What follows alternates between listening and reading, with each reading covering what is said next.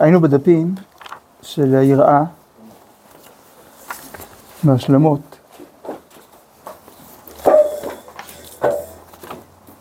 נכון? השלמה אחת כללית, לא- שמתחילה ב"אם לא נסתכלנו".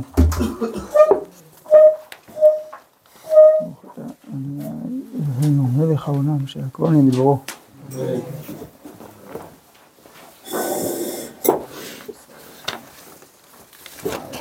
לאן הגענו שם? הזהיר במזוזה.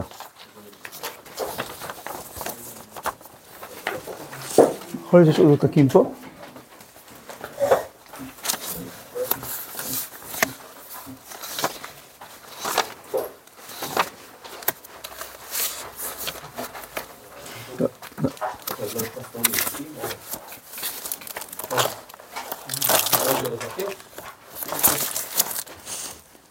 טוב, מחילה.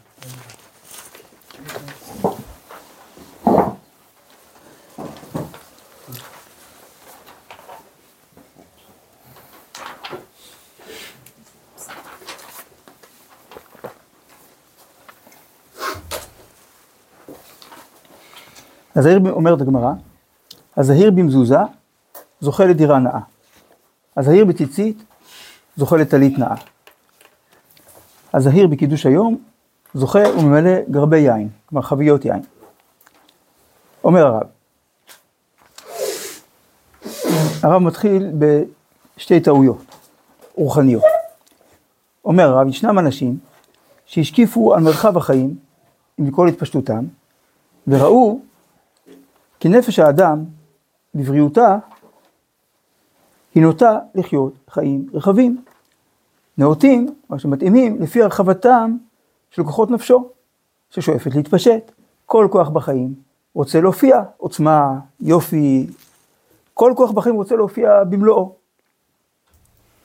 חשבו על כן, וטעו, שלא ימצא האדם למלא נפשו בחיים, כלומר הוא לא ירגיש סיפוק ומיצוי של החיים, כי אם, אם ישים את החיים האהובים, החומריים, מכל מרכז תכליתו. רוצה לחיות הכי בכיף, הכי בעוצמה, עכשיו. את החיים האלה, החומריים. כי זה הכי נורמלי, זה הכי טבעי. אדם רוצה לחיות טבעי, טבעי, זה הכי טבעי, הכי עוצמתי. שאז ישאף למלא את חוק החיים. זה, ככה זה עובד, כביכול.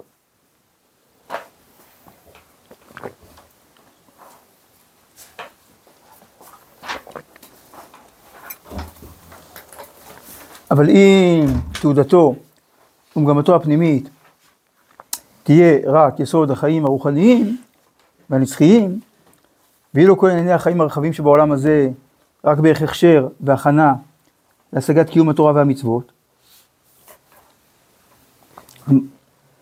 כלומר, אם אדם מסתכל ככה על החיים, שבאמת יש רק דבר אחד חשוב בחיים, תורה ומצוות. כל השאר, אם זה עוזר, אז זה טוב, אבל אם לא, זה חסר טעם, חסר משמעות. הצטמצמת לו יסוד החיים. שום דבר בחיים לא מעניין אותו. אז הוא בן אדם קטן, מצומצם, חנוק, צולר. ונמצא שיהיו חייו אז שלא כפי טבע נפשו האנושית, זה לדרוך על החיים, שמתגעגעת לחיים רחבים. ומפני, ומפני משפט מעוקל זה, באו לעשות הטפל לעיקר. אומר הרב, אבל באמת שקר בימינם. כי אף על פי שהרחבת החיים אולי דווקא ימינם, שזה ימין זה חסד, התפשטות, אבל זה חסד של שקר. כי אף על פי שהרחבת החיים היא נטייה טבעית באדם, אבל לא מפני זה צריכות אותן ההרחבות המוחשיות להיות תכלית החיים. כלומר, זה נכון שזה טבעי לרצות ליהנות, לרצות את המקסימום, את הכי טוב בכל דבר, אבל זה לא אומר שזה מטרת החיים. אם מטרת החיים הייתה לחיות הכי טוב שאפשר, אז החיים הם כישלון, כי בסוף כולם מתים. אז איזה, מה הרעיון? בסוף זה נגמר בדיוק הפוך ממה שאדם רוצה. אז מה, זה התכלית? שאדם בסוף יהיה מתוסכל? או לא יהיה.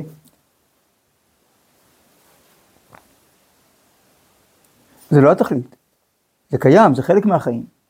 אלא, אז מה כן? יסוד החיים בתכליתם, כלומר זה גם המאין באת, יסוד החיים בתכליתם. לאן אתה הולך? הוא הצד הקדוש שבהם. פרי הטוב העומד לעד. הגמרא אומרת, קדוש לעולם קיים. רב ציודה אמר שזה ההגדרה של הקדושה. מה שקדוש, זה מה שלעולם קיים, מה שתמיד היה, מה שתמיד יהיה. אז החיים שווים כי הקודש מופיע בהם. אה, רק הקודש? זה לא, זה לא לתפוס פינה אחת בחיים, נישה אחת בחיים, ולהתעלם מכל השאר, או להדחיק את, את כל השאר? אומר רב לא, הקודש הוא באמת לא פינה בחיים, הוא כל החיים, הוא טעם החיים, והוא נותן מקום, מתוך הקודש יש מקום להכל, באמת. מתוך, אבל במקום שמחובר לקודש. אומר הרב, אלא, שכל, אלא שכל כך ישנם מעמדים גבוהים ובקשות גדולות בדרכי השם, עד שכל הרחבת החיים הטבעיים, הכל נתבעים מהם כלומר, נצרכים הם, נדרשים. לצורך התעודה היכנית, לרגלי ההכשר של, של צד הקדושה שנמצא בפנימיות החיים. כלומר, הקדושה הזאת שבתוכו החיים היא כל כך עמוקה, כל כך כללית, אז שצריך את כל העולם עם כל מה שקיים בו, בתור מעטפת והכשרה אל אותו קודש פנימי. על כן, אל יאמר אדם, כי הזהיר במזוזה, כלומר, אפשר אחד כזה שהוא זהיר במזוזה, כלומר הוא כזה דוס, אז כל מה שמעניין אותו בחיים זה קודש. אז ודאי יסוד מגמתו במושג הדירה, ולמען לקיים על ידה את המצווה התלויה בה. הוא כזה דוס, שזה שהוא, שהוא קנה דירה, שלא זה היא תמצא לקבוע מזוזה. אה, הרווחתי ברכה. זה כל הדירה שווה לו בגלל המזוזה. אז בכלל לא שווה לו דירה, היא לא מעניינת אותו. לא, לא נכון. של, אז בגלל זה אומרת הגמרא, שלא נחשוב שמי שזר במזוזה, שמגמתו זאת מתנגדת, אלא חוות עצם החיים שיש בחלק הטבעי של האדם. אל דירה נאה, רחבה והדורה. לא הוא. כי אם עשיית התמצית העיקרית שבחיים, את היסוד הרוחני, התכליתי, נכון שמבחינתו לב החיים זה הצד הרוחני, מכל מקום, כל ההרחבות נזקקות לו, הוא אוהב אותן, הן מעניינות אותו. למה? כי זה חלק מהחיים, והוא רוצה חיים גדולים, כי הקודש כל כך גדול, שמגיע לו, שראוי שיהיו לו חיים גדולים. ואז הרבי מזוזה, משום הכי, זוכה לדירה נאה. סימן שדירה נאה מעניינת אותו.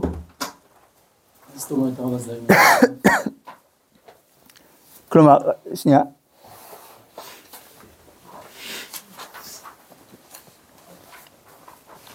זה כאילו מציג את זה כמו עבודה ופרס.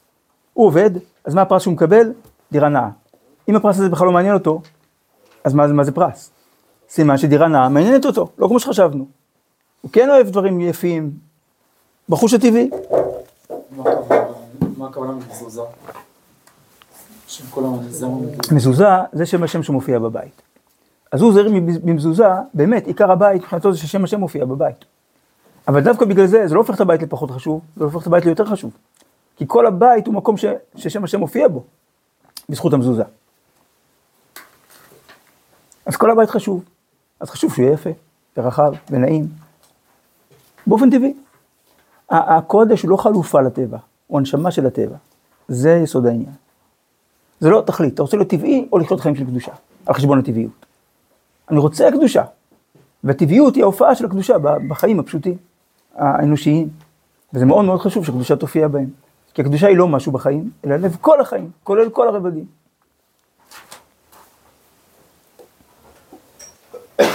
וכמו כן בציצית. כי מי שברא את החיים ברא את הטבע. למה הטבע שאנחנו? מה? הטבע שאנחנו מגדירים. כי הוא לא החיים, הוא לא, העולם לא נברא כדי שיהיה בו טבע. העולם עובד בחוקי הטבע, אבל הם לא התכלית. התכלית היא הקודש. התכלית היא שתהיה דבקות בין הבורא לנבראים. הדבקות הזאת היא הקודש. הטבע זה המסגרת שבה התהליכים של הופעת הקדושה בעולם מתנהלים. זה לא העיקר. למה שנגדיר שהטבע זה שאדם רוצה... אה, כי זה לא צריך ללמוד בישיבות. לא, יש עוד דברים שהם... טבע זה מה שלא צריך ללמוד. יש עוד דברים שאנשים רוצים. ברור, כל מה שאדם רוצה באופן טבעי, בלי שילמדו אותו זה טבע. טבע זה מה שלא צריך ללמוד. זה גם חלק מהטבע. הרבה דברים אומרים השפעות חיצוניות. נכון, אבל זה גם טבעי להיות מושפע מהשפעות חיצוניות. אנחנו לא נכנעים לטבע, אנחנו מתבררים איתו. זה טבעי וצריך להתגבר על הטבע. גם טבעי לקנא, טבעי לשנוא, טבעי להתאבות. בכל דבר יש בו צד טוב, יש בו צד רע. והעבודה שלנו היא מלאכת בורר, להבדיל בין הטוב לרע. ואז לגלות יותר עמוק, שגם במה שנראה רע, כאילו רע, יש טוב. וגם הבקשה הטבעית היא חלק מההופעה של הקודש. הרחבה שלו, המעטפת שלו. אז, אז בזכות המזוזה מבינים שכל הדירה היא חשובה. אז חשוב שתהיה טובה ויפה ורחבה, באופן שמתאימה לחוש הטבעי, לרצון הטבעי. וכמו כן בציצית, אף על פי שיסוד השקפתו העיקרית בבגדים, ויחסו אליהם בעיקרם, ומצד דרך המצווה שאפשר לעשות על ידם, אבל זה לא שהוא כל כך מתעניין באופנה וזה מעסיק אותו, ו... אז מה שאכפת לו, הרי הוא אמרנו איש קודש. אז הבגדים מבחינתו באמת עיקר הבגד זה הציצית. לא יצומצם מפני זה כוח הנטייה של צורך התרחבות הנטועה בנפש האדם. וזוכה גם כן, מבחינתו זה זכות.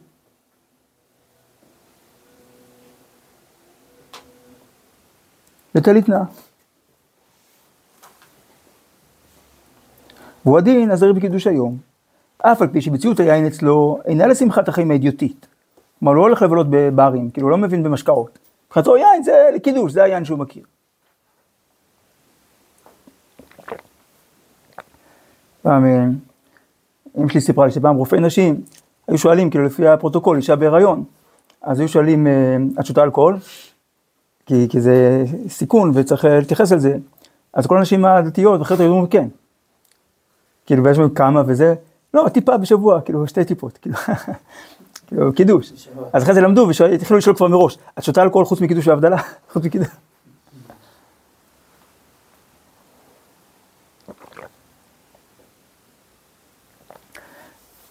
אז אל יחשוב הטועה, כי השקפה כזאת, ששמחה, ההקשר האמיתי של שמחה הוא בקודש, שמחה של מצווה, אבל לא לחשוב כי השקפה כזאת גורמת לסגור את דלת הרחבת תענוגי החיים. לרצות, כאילו, זה כאילו אידיאל לחיות בצמצום, בעליבות, במסכנות, בחדגוניות. בכלל לא. כי אם זוכה הוא ממלא גרבי יין. מבחינתו זה זכות. רק מה ההבדל? אלא, אלא במקום שמי ששמים כל מגמתם התכליתית בדברים המגושמים לבדם כשלעצמם, אז במקום שהם לא יכולו להתרומם אל קדושת הרעיונות, למה? זה לא מעניין אותם, כי ההנאה הגשמית, החושנית, ממלאת את כל כולם, אז פה כל השאיפות שלהם, רוצים ליהנות, מצליחים ליהנות, זהו, לא מעניין אותם כלום חוץ מזה. אז מילא יש להם שמחה, אז זה לא שמחה עדינה, שמחה גסה, של, של, של יצר וסיפוק. יצר וסיפוק. בא לי, עשיתי, וואו. אז הם לא יודעים מה זה שמחה עדינה, לשמוח שמחה עדינה בחייהם, ואז מה קורה בהמשך החיים? ובמלוא צפקם, כבר הולכת להיגמר הבטריה, והזקנה תכביד עליהם ידה, ימצאו עצמם מבוהלים בדעתם מטורפת, כמו, שה, כמו שהגמרא אומרת. שזקני תלמידי חכמים, ככל שמזקינים, דעתם מתיישבת עליהם, וזקני עמי הארצות, ככל שמזקינים, דעתם מתערפת. למה? כי הוא, מה שהוא השקיע כל החיים, כבר לא רלוונטי. ועכשיו יש לו עוד איזה 20 שנה לחיות, בטח היום עם התארכות תוחלת החיים, אבל לא יכול ליהנות כמו פעם. אסור לאכול את זה, אסור לשתות את זה, הוא כבר לא יכול וזה, ו... ואז מה? הוא מרגיש כאילו חיים שלו רק מתדרדרים. יש לו זמן לחיות, אבל זה כבר לא שווה. כי הוא כבר לא יכול לעשות ספורט, הוא כבר לא יכול אה, לרקוד, הוא כבר לא יכול ליהנות, הוא כבר לא יכול לבלות, הוא כבר לא יכול זה. אז הוא מרגיש עלוב. והחיים שלו נגמרים בדעיכה. לעומת זה, קובע השם שהכירו את החיים בתור אמצעי הגון, לא תכלית, אלא אמצעי, כלומר את החיים הטבעיים. אז זה לא סתם אמצעי טכני, זה אמצעי הגון, כלומר מתאים, ראוי. אף על פי שערכו בתור אמצעי לא גרם כלל לצמצומו. מה הוא כן גרם? אבל גרם, כלומר אלא גרם, כשמבינים שהתוכן של כל דבר זה הקודש, והחול הוא אמצעי, אז למה זה גורם? להיות השמחה הקיימת בו בכל עת ובכל מצב. למה? כי אם מה שמשמח את האדם זה יכול להיות לדבוק בהשם, אפשר לדבוק בהשם בכל עת ובכל מצב. גם כשנעים, גם כשלא נעים. איך עושים את זה?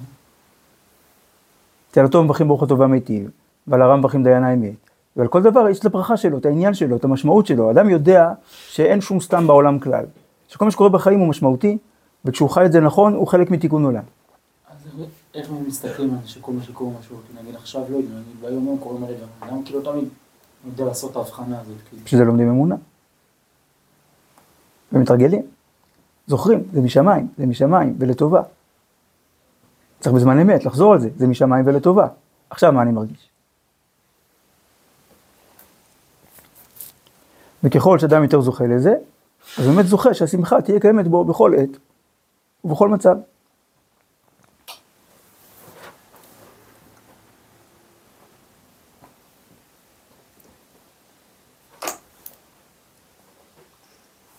כמו שאמרנו, כל העולם כולו, לינק אחד גדול. והעיקר לא לשכוח להקליק. כלומר להבין שכל דבר הוא שער להשם. וההכשר להתרומם אל מרומי הציורים הרוחניים מאהבת השם וכבודו וכל דרכי היושר והטוב נעוצים אצלם, אצל קובעי השם, בעצם החיים החושיים עצמם. כי אמרנו, זה, זה, זה הלינק. אז, אז זה דבר נורא חשוב. עובדה שהשם ברא את זה בתור שער אליו, להודות על זה, לשמוח בזה, להרחיב את הנפש. עד שאותה הדירה הנאה, הטלית הנאה וגרבי היין, יש להם ערך נעלה ומיוחד, בהיותם באים לערש זכות, כמו שאמרנו, זוכה וממלא גרבי יין, זוכה לדירה נאה, למי ששם כל עניינם רק כהרחבה אמצעית לתמצית החיים וגרעינם הפנימי שתלוי בהם, כלומר מופיע דרכם. הוא צד המצווה והקדושה שבהם. וזה כמו במסילת ישרים. בסוף פרק א',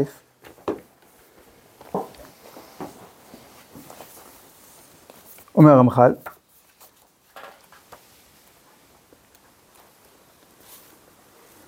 נמצאנו למדים, כי עיקר מציאות האדם בעולם הזה, עיקר זה השורש. עיקר מציאות האדם בעולם הזה הוא רק לקיים מצוות, כלומר לבטא את האמונה בכלים מוחשיים, לכן נברא העולם הזה מוחשי, כי תורה אפשר ללמוד גם בישיבה של מעלה, אבל מצוות אפשר לקיים רק פה. אז התכלית של האדם בעולם היא לקיים מצוות, ולעבוד, ולעמוד בניסיון. כלומר לעבוד זה לעבד את החיים, זה העשה טוב, ולעמוד בניסיון זה הסור מרע. לדייק את החיים בשני הצדדים, בחיובי ובשלילי, במה כן ומה לא. לחיות חיים אלוקיים. איך הוא מדייק את זה יותר? כן, אמרנו. לעבוד זה המצוות עשה, ולעמוד בניסיון זה המצוות לא תעשה. כי המצוות מגדירות לי מה כן, מה לא. מה זה, איך חיים את החיים האמיתיים. אז למה יש בעולם הנאות? אומר הרמח"ל, והנאות העולם, אין ראוי שיהיו לו, אלא לעזר ולסיוע בלבד. ושיהיה לו נחת רוח ויישוב דעת, למען יוכל לפנות ליבו אל העבודה הזאת המוטלת עליו. מה תכלית החיים היא דבקות בהשם. אז למה השם שם באדם באופן טבעי את הרצון ליהנות? כי, הר... כי כשאדם בסביבה טובה. ההנאה היא לא תכלית. אתם שואלים בן אדם למה אתה עושה את זה? מה כי אני נהנה מזה. אותו אז מה? מה אומרת אז מה? כי זה אני נהנה. אבל זה שאדם נהנה ממשהו זה לא סיבה לעשות אותו. כי אדם יכול ליהנות גם מדברים שמזיקים לו. אז עצם ההנאה היא לא תכלית. אבל, בשביל שאדם יוכל לחיות את התכלית, הוא צריך שיהיה לו סביבה תומכת, סביבה טובה. למה? כי זה מאפשר לו להיות, להקדיש את המיטב לתוכן. נגיד, אם אדם בא ללמוד תורה, אבל קר לו, חם לו, הכיסא לא נוח, אז עכשיו הוא עסוק חצי מהזמן, חלק מהקשב שלו, חלק מתשומת הלב מרוכז בלהתמודד עם התנאים הלא נוחים, אז נשאר לו פחות ריכוז בתוכן, בשמת הבעיה צילותא. הנה, תראו, הישיבה פה לעומת הקרוונים מקודם. כשיש מרחב, הפנימיות, יותר קל. אה, אבל זה לא קצת, אה, כאילו גורם לגבול הזה של בין ההנאה מדברים שהם לא לצורך הקודש, התכלית. כאילו קצת גורם לגבול הזה להתמהמה, כאילו. אז זה העבודה שלנו, לא לתת לזה להתמסמס. לעמוד על המשמר. אנחנו מפחדים מזה שאנחנו נגיע לידי זה, אז לא עדיף להתרחק מזה? כאילו, כלומר, בכל מסוים. אבל אם אדם שהוא יבוא, אבל אם אדם יבוא ויתחיל להגיד, טוב, אני עושה עכשיו, כאילו יש לי את כל הצרכים, אני רוצה למלא את הצרכים שלי על מנת להגיע לתכלית הקודש. ואני בא ומשקיע את כל הכוחות שלי בזה, אז כאילו, מה לא? אם אדם מבין שהצרכים הם לתכלית הקודש, הוא לא ישקיע את כל הכוחות שלו במה שהוא לא התכלית. זה, זה חלוקת כוחות, היא תמיד, העיקר העיקר, והטפל הטפל.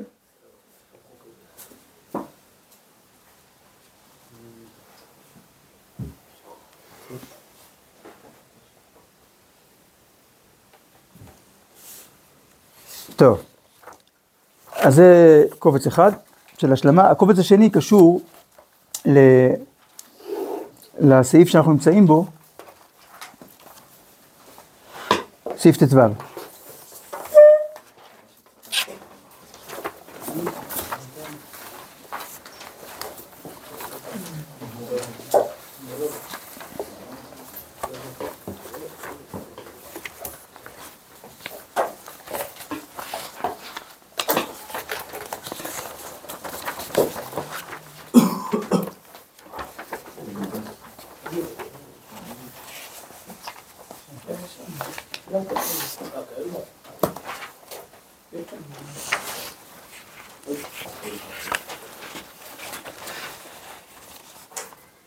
אז בואו נקרא קודם את הסעיף שוב.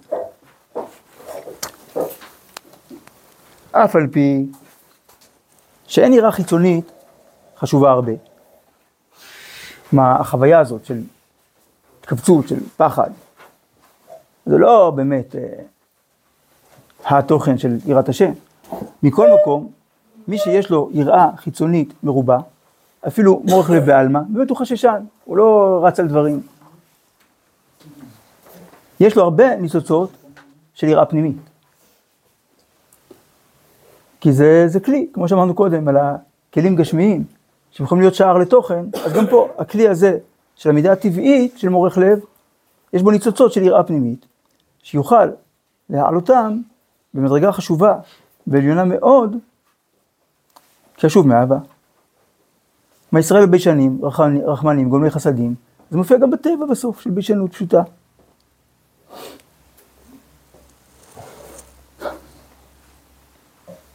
הרב צודה מפנה פה לאגרות הראייה ולהרע 20 שם ולשערי הוראה. אז בואו נראה.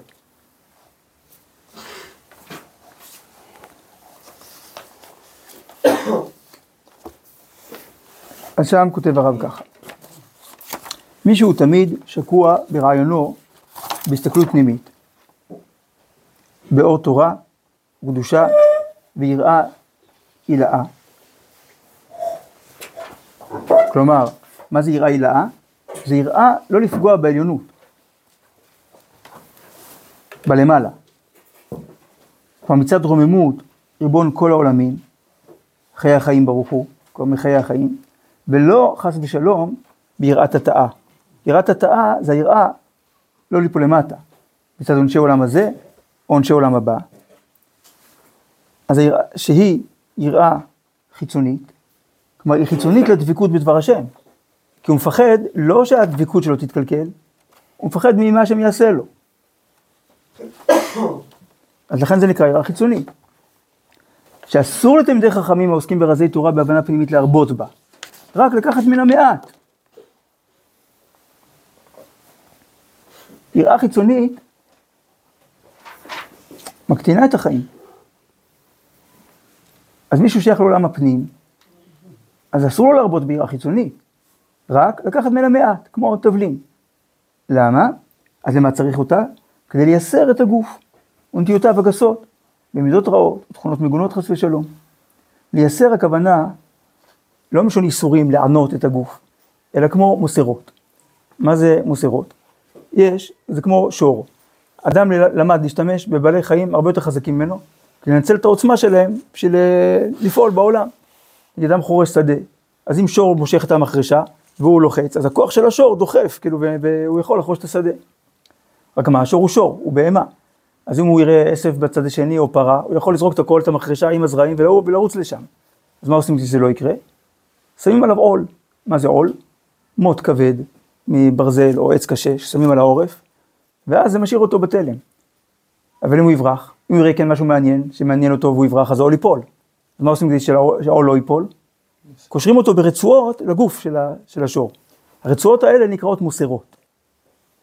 אז זה מוסר, מוסר של מוסרות. יש באדם נפש בהמית, שיש בה הרבה עוצמות. בגלל שהיא פחות מתלבטת, שהיא נורא טבעית, אז היא נורא עוצמתית כמו שהיא, אז הנפש הבהמית היא מאוד מאוד חשובה. אבל היא צריכה עול, כיוון שהיא עלולה גם ל- לקחת את האדם למקומות לא טובים, אז הנפש הבהמית הזאת צריכה עול. עול תורה ומצוות, עול מלכות שמיים. יופי, אז יש עול, אבל אפשר גם לברוח והעול ייפול, אז מה עושים? מה, מה מהדק את העול הזה לגופניות שלנו, שבפועל התורה והקדושה תדריך את החיים? זה נקרא מוסרות, זה המוסר. המוסר זה ההידוק הזה, שכל מה שלמדתי, איך זה נוגע אליי, איך אני חי את זה. איך אני מדייק את החיים שלי מכוח זה.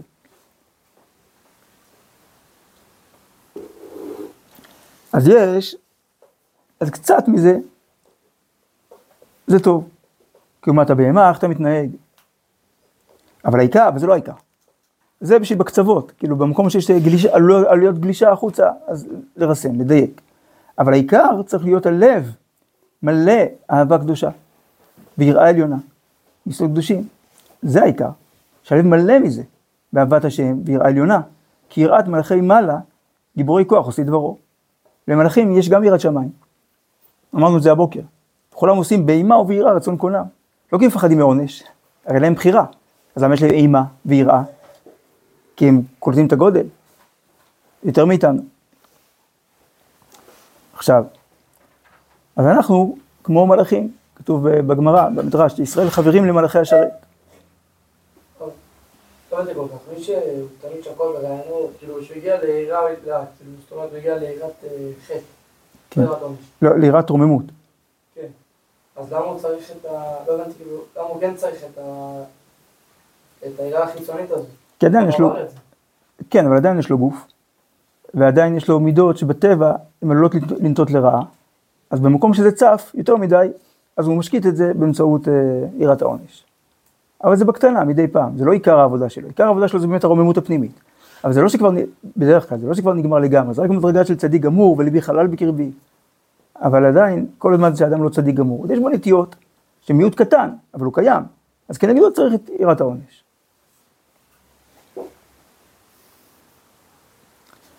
טוב, ושם, הרב ציודה יפנה ליערה 20, אז זה מה שיש ביערה 20, השלה הקדוש ורמח"ל.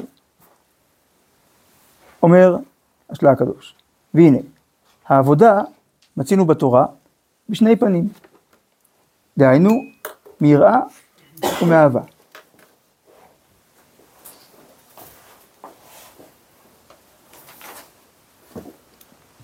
והעריכו רבותינו ז"ל בזה, גם המחברים, גם בארו, כי יש עבודת חוץ ויש עבודת פנים. דהיינו, יראה ואהבה חיצונית ויראה ואהבה פנימית. יראה ואהבה חיצונית הוא שיראה את עצמו ואוהב את עצמו. כלומר, הוא יראה את עצמו, הכוונה, מה יקרה לו? מה יקרה לו אם הוא לא ישמע בקול השם? ואוהב את עצמו, הוא רוצה להתענג על תחושת הקשר עם הקדוש ברוך הוא ולא על, לא על השם, אלא על החוויה הרוחנית של הרוממות, של ההתעלות. את זה הוא אוהב. לא את השם. והיראה והאהבה הפנימית הוא שירא את השם יתברך, ואוהב את השם יתברך.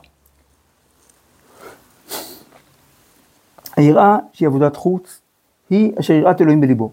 יש לו בלב יראת אלוקים, אמנם הוא ירא מעבור על מצוותיו, כדי שלא יענישוהו העונשים ההם המתחייבים מעבירות. מעבירות. מעבירות ההם אשר הוא זר עליהם. והירא ועובד על הדרך שאמרנו, אינו ירא כי אם את עצמו, שלא יעניש בעונשים ההם.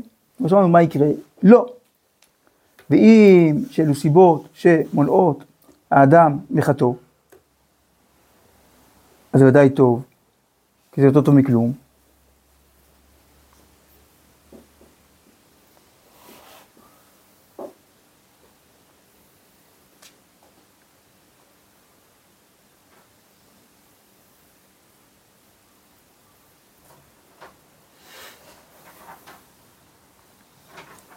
כמו אדם, אה, יודע מה, נתקע ולחוט ברכב, ואז בא מישהו מחלץ אותו, ואומר, שמע, לא התקלחת מזמן, יש לך ריח לא נעים, ואתה לא לא יפה בכלל, הבגדים שלך לא מתאימים.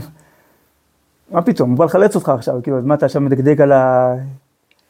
אז ככה יראת העונש היא טובה כדי לחלץ את האדם מנפילות. ואז הוא עוצר את עצמו, הוא אומר לי, לא, לא, לא, כאילו, מה, כאילו, לא רוצה גיהנום. אז בסדר, עכשיו מדקדק, "אי, זה לא יפה יראת העונש, זה לא העיקר, זה לא אהבה, זה לא רוממות. זה השם שמציל אותך. אז יש לזה מקום. מכל מקום, מצד הזה הן טובות. עכשיו הוא מאמין שיש אדון שמשלם גמול לאויביו, אבל הנה, אז למרות זאת, אין היראה הזאת לבד, כלומר כשלעצמה, הנדרשת מהשלמים. היכולת הנשמתית שלנו, לא, בש... לא בשביל זה נולדנו. לא עליה נאמר, ואלוהים עשה שיראו מלפניו. ואומנם, עכשיו, ואומנם אמרנו, כל סיבה המונעת את האדם מבוא בדמים ומהתגאל באשמים, היא טובה, והרשות נתונה לעסוק בה. חומרן פרק מקום שנהגו, לעולם יעסוק אדם בתורה, ואפילו שלא לשמה, שמתוך שלא לשמה בא לשמה. כי אמנם היראה הזאת החיצונית, פתח והתחלה, לבוא ממנה אל הקודש פנימה, היא היראה הפנימית הטהורה, כמו שהרב אומר כאן, שהיראה החיצונית היא לא חשובה הרבה, אבל יכול להיות פתח, עצם זה שיש באדם קצת עדינות, קצת מחסום בחיים, זה יכול להוביל אותו בהמשך לגדול יותר. עוד, אומר עוד ב... בהערה של הרב ציודה, של הרב ציודה ל- לאגרות. יראת העונש, אומר הרמח"ל, כפשוטה, שאדם יירא מעבור את פי השם אלוקיו, מפני העונשים אשר לעבירות. אם לגוף ואם לנפש. והנה, זאת קלה ודאי, לא חוכמה גדולה. כי כל אדם אוהב את עצמו, וירא לנפשו. ואין דבר שירחיק אותו מעשות דבר אחד, או משהו מסוים, יותר מן היראה שלא תבואהו בו איזה רעה. ולכן, ואין יראה זו ראויה, אלא לעמי הארץ, ולאנשים אשר דעתם קלה. אך אינה יראת החכמים ואנשי הדעת. כלומר, בשביל יראת העונש לא צריך חוכמה, בגלל שהיא אינסטינקט, כמו של בעל חיים. אז האדם קיבל שכל, כדי שאדם יירא את השם מתוך שכל, לא מתוך יראת אינסטינקט. המין השני הוא יראת הרוממות, והוא שאדם ירחק מן החטאים ולא יעשה, לכבודו הגדול יתברך שמו. אני רוצה את כבוד השם, אני רוצה שכבוד השם ימלא את כל הארץ, אני רוצה שכבוד השם יופיע דרכי, לא רוצה לקלקל. והנה, זאת היראה איננה, אינה כל כך קלה להשיג אותה. בפרט שהיא תהיה זמינה בזמן אמת של ניסיון ובלבול. כי לא תיוולד אלא מתוך ידיעה והשכלה, להתבונן על, רמותו, על רוממותו יתברך ועל פחיתותו של האדם. כל אלה דברים בתולדות השכל המבין ומשכיל.